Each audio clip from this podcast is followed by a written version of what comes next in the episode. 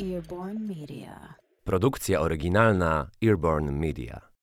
Czy zastanawialiście się kiedyś nad tym, jak to się stało, że dziś pijemy wina z Chile, Australii czy Stanów Zjednoczonych? Przecież Mapuche czy Aborygeni, a nie Indianie wina nie robili. Robili oczywiście inne napoje z przefermentowanych ziaren, na przykład mudej z pszenicy robione przez Mapuczów. Te napoje alkoholowe były zazwyczaj wypijane podczas czynności religijnych lub tradycyjnych rytuałów. Nie robili natomiast wina. Tym bardziej ciekawe jest to, że wino też było przywłaszczane przez różne religie i różne wierzenia. Czerwone wino, na przykład symbolizujące krew, służyło podczas ceremonii na przykład egipskim faraonom. Wiele malowideł z czasów Starego Królestwa Egipskiego, datowanych na mniej więcej 2,5 tysiąca lat przed naszą erą, obrazuje sceny produkcji wina na przykład, czy serwowania wina podczas koronacji, albo składania amfor z winem do grobowców zmarłych żeby mieli co pić w zaświatach. Bardzo duży wpływ na popularyzację wina mieli Fenicjanie oraz Grecy. I dopiero znacznie później stało się ono nieodłącznym elementem przypowieści, opowieści i rytuałów chrześcijańskich. Zresztą o początkach winiarstwa nagram oddzielny odcinek, bo to kolejny fascynujący temat, który warto dobrze rozpracować. Dziś skupimy się na czasach nieco nam bliższych. Na pytanie, od kiedy człowiek zna i robi wino, uczestnicy moich degustacji często rzucają liczbą 2000. Przemiana wody w wino jest tak silnie zakorzenionym w umysłach ludzi obrazem, jakże zresztą pięknym i obiecującym, a skojarzenie wina z tą właśnie religią jest tak mocne, że 2000 lat produkcji wina wydaje się wielu osobom jak najbardziej trafnym strzałem. A tymczasem przecież to nie Jezus wymyślił wino. Wymyślił je człowiek i człowiek robi je od 8 tysięcy lat. Zatem posłużyło już naprawdę wielu religiom i wierzeniom przed chrześcijaństwem. Ale faktycznie to chrześcijaństwo rozpropagowało je na cały świat.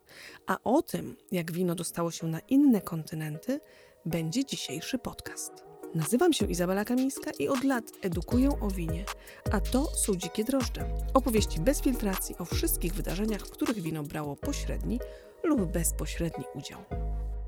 Kiedy więc wino dotarło do Ameryki?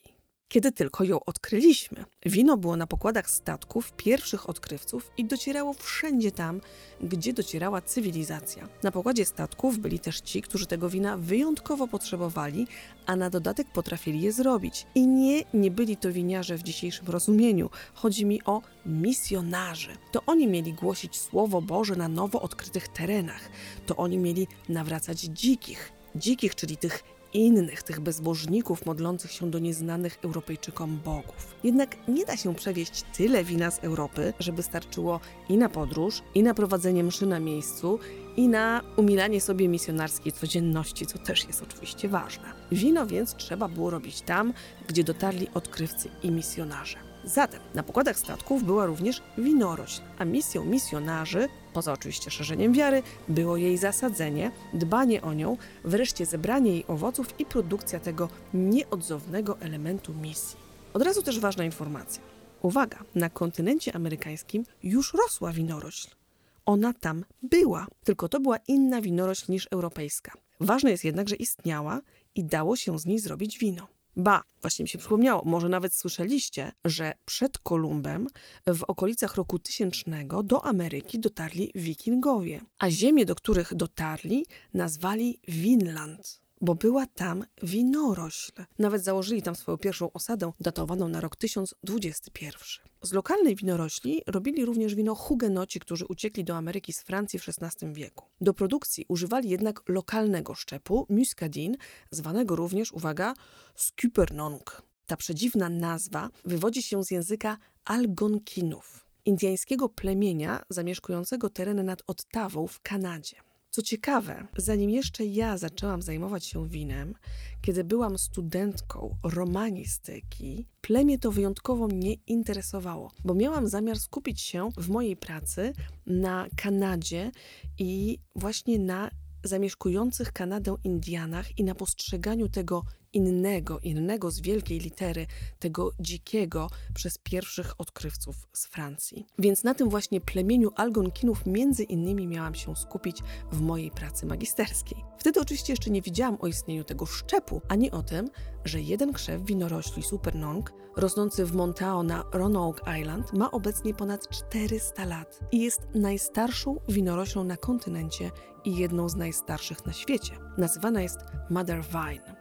Problem jednak z tym robieniem wina z lokalnych odmian był taki, że nie było ono najlepsze. Okazuje się jednak, że nasza, europejska, wielka rodzina winorośli, zwana Vitis vinifera, którą nazywamy winoroślą szlachetną, nie ma po prostu sobie równych. W związku z tym właśnie zaczęto winorośl wozić po świecie statkami wszędzie tam, gdzie docierano, gdzie podbijano nowe tereny i zakładano kolonie i misje. I tak wreszcie przyszedł czas na odpowiedź na pytanie, które zadałam kilka minut temu. Kiedy europejska winorośl dotarła do Ameryki, gdzie dokładnie i co to była za odmiana? Otóż uważa się, że została przywieziona przez hiszpańskich misjonarzy w połowie XVII wieku do Nowego Meksyku. Szczep został nazwany, a jakże, Mission Grape. I uwaga, jest uprawiany do dziś. A tak naprawdę jest to szczep, który nazywał się w Hiszpanii Listan Preto i możecie go znaleźć również teraz na Wyspach Kanaryjskich. Uprawiany jest również obecnie w Argentynie i w Chile i nazywany jest tam Pais. Bardzo go lubią. W Ameryce do dziś robi się z niego słodkie wino zwane Angelica Wine o smaku suszonych fig i karmelu. Kiedy było robione w przeszłości, metoda produkcji była bardzo prosta. Było to bardzo proste wino. Do moszczu z wyciśniętych winogron po prostu dodawano brandy. I już, nic więcej. Dziś z kolei wina o nazwie Angelika robi się na przykład na Azorach, tylko metodą, którą robi się Porto, a zatem przerywa się fermentację moszczu poprzez dodanie brandy, czyli w ogóle do tej fermentacji się dopuszcza, a w tradycyjnej metodzie amerykańskiej fermentacji nie było wcale.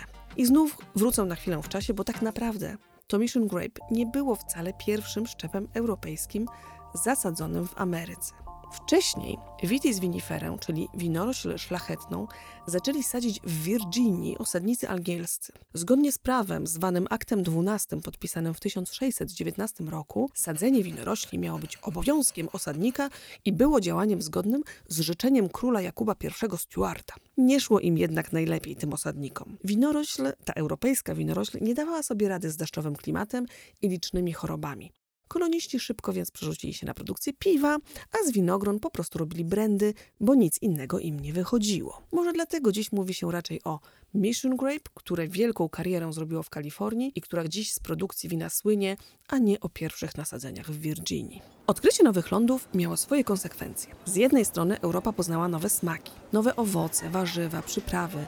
Wyobraźcie sobie, jak niesamowite musiało być przywieźć do Europy pierwszego ananasa, papaję czy awokado. W końcu te owoce wyglądają zupełnie inaczej niż nasze jabłka, które de facto my z Europy przywieźliśmy do Ameryki. No więc nowe smaki, nowe zapachy, ozdoby, ubrania, ale z drugiej strony otworzyliśmy puszkę Pandory, jeśli chodzi o choroby, które same oceanu by do nas nie przepłynęły. Jedna z tych chorób dotyczyła winorośli i nazywam ją klątwą kolonizatora spowodowała wymarcie niemal wszystkich krzewów winorośli w Europie. A spowodowała ją mała mszyca o nazwie filoksera, a dokładnie filoksera vastatrix, czyli mszyca niszczycielska. Namieszała ona w Europie dramatycznie. Zniszczyła miliony hektarów nasadzeń, miliony. Zniszczyła życie ludzi, którzy z winiarstwa żyli, spowodowała, że niektóre regiony już się z katastrofy nie podniosły. Zaczęło się od Francji w 1863 roku. W okolicach Avignonu, w Dolinie Rodanu, krzewom zaczęły dziwnie obsychać liście. Samo to nie było aż tak niepokojące, ale w ciągu kilku lat winiarze zaczęli skarżyć się na to, że kolejne krzewy wręcz umierają, a nieznana choroba zaczęła się rozprzestrzeniać. Jedną z osób, która zaczęła badać ten temat był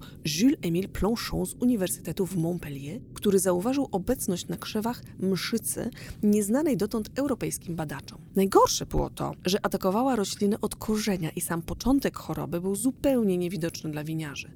W latach 70. XIX wieku mszyca pożerała już winnice całej Europy. Była w Hiszpanii, była w Portugalii, w Turcji. W roku 80, 1880 pojawiła się w Rosji i na Bałkanach. W jej rozprzestrzenianiu się oczywiście pomógł zdecydowanie rozwój kolei, bo mszyca mogła teraz podróżować wraz z sadzonkami i szybciej i wygodniej. Marian, tu jest jakby luksusowo. Plonchon kilka lat po pierwszych doniesieniach o umierających krzewach został zaproszony do Ameryki Północnej, gdzie mógł przekonać się, że jego domysły były słuszne. Nasz żarłoczny pasożyt przybył z bardzo daleka. Najciekawsze jednak było to, że rodzime amerykańskie winorośle radziły sobie z nim bez problemu. I to ostatecznie okazało się kluczem do znalezienia rozwiązania tej choroby, która nurtowała Europę od lat. Plonchon przeprowadził wiele rozmów z amerykańskim badaczem i znawcą filoksery Charlesem Rileyem i obaj doszli do wniosku, że skoro w Ameryce lokalna winorośl rośnie dokładnie tam, gdzie mszyca buszuje w najlepsze i nic sobie z niej nie robi, to trzeba to jakoś wykorzystać w Europie. Pierwszym pomysłem było sprowadzenie amerykańskiej winorośli i zastąpienie nią lokalnych odmian. Pojawiły się więc we Francji czy Portugalii takie odmiany jak Izabela czy Clinton. I ja naprawdę bardzo chciałabym Wam powiedzieć, że szczep Izabela daje świetne wina. Ale niestety. Już na początku powiedziałam, że winorośl europejską Vitis vinifera zaczęto sadzić w Ameryce, bo wina z lokalnych odmian były dość trudne w odbiorze. Mówiono, że mają goût de renard, czyli lisi posmak, cokolwiek to miałoby znaczyć. No po prostu nie nadawały się do picia i dziś taka Izabela na przykład jest w Europie szczepem po prostu zakazanym. Zatem i na europejskiej ziemi te odporne na filokserę odmiany dawały wina nie do zaakceptowania przez podniebienia wyrobione przez dobre kilka tysięcy lat kontaktu z produktem vitis viniferi, czyli winorośli szlachetnej. Trzeba było poszukać innego rozwiązania. W tekście napisanym przez Planchona w Revue de Deux Mondes z 15 stycznia 1877 roku, który to tekst można znaleźć na internecie i który przeczytałam, można znaleźć przykłady rozwiązań, które sam naukowiec uznał za niedorzeczne, jednak postanowił odnotować dla potomności, żeby pokazać, jak bardzo zdesperowani byli winiarze w walce ze szkodnikiem. Było na przykład podlewanie krzewów mieszankami zawierającymi ludzki mocz, ale było również zakopywanie w ziemi pod krzewem żywych ropuch, które miały wyciągnąć chorobę z winorośli. Ostatecznie rozwiązaniem okazało się szczepienie winorośli Vitis vinifera na podkładkach winorośli amerykańskich, takich jak Vitis riparia czy Vitis rupestris. Czyli udało się połączyć jakość winorośli szlachetnej z odpornością winorośli z oceanu. I czy możecie sobie wyobrazić, że tę metodę stosuje się do dziś? Filoksera wciąż istnieje i wciąż jest realnym zagrożeniem wszędzie. W Europie, w Australii, w Republice Południowej Afryki, oczywiście również w Polsce. A podkładki do dziś wydają się jedynym sposobem prewencji. Jeszcze czasem można gdzieś zobaczyć winnice prefilokseryczne. Tak mówi się o naprawdę starych winnicach, w których krzewy zostały posadzone 100-150 lat temu i przeżyły do dziś na własnych korzeniach. Ale o takich winoroślach i winnicach opowiem Wam w oddzielnym podcaście. Dziś miało być o tym, jak winorośl dotarła do Ameryki. Więc wiecie już, że dotarła dzięki religii i misjonarzom. Ale za odkrycia nowych lądów i to, co żeśmy zmajstrowali przy okazji miejscowym społecznościom, przyszło nam słono zapłacić. Filoksera to taka natychmiastowa karma i nic już potem nie było takie samo. Do dziś płacimy za błędy naszych przodków. Otwierając butelkę wina, przypomnijcie sobie ten podcast i pomyślcie, że mało brakowało, a wina nie byłoby wcale, albo byłoby podłe, jak wina z odmian amerykańskich. I dlatego uważam, że należy mu się szacunek. I lepiej pić dobre wino niż złe. Takich najlepszych win życzę Wam nieustająco. Pijcie odpowiedzialnie i do usłyszenia za tydzień.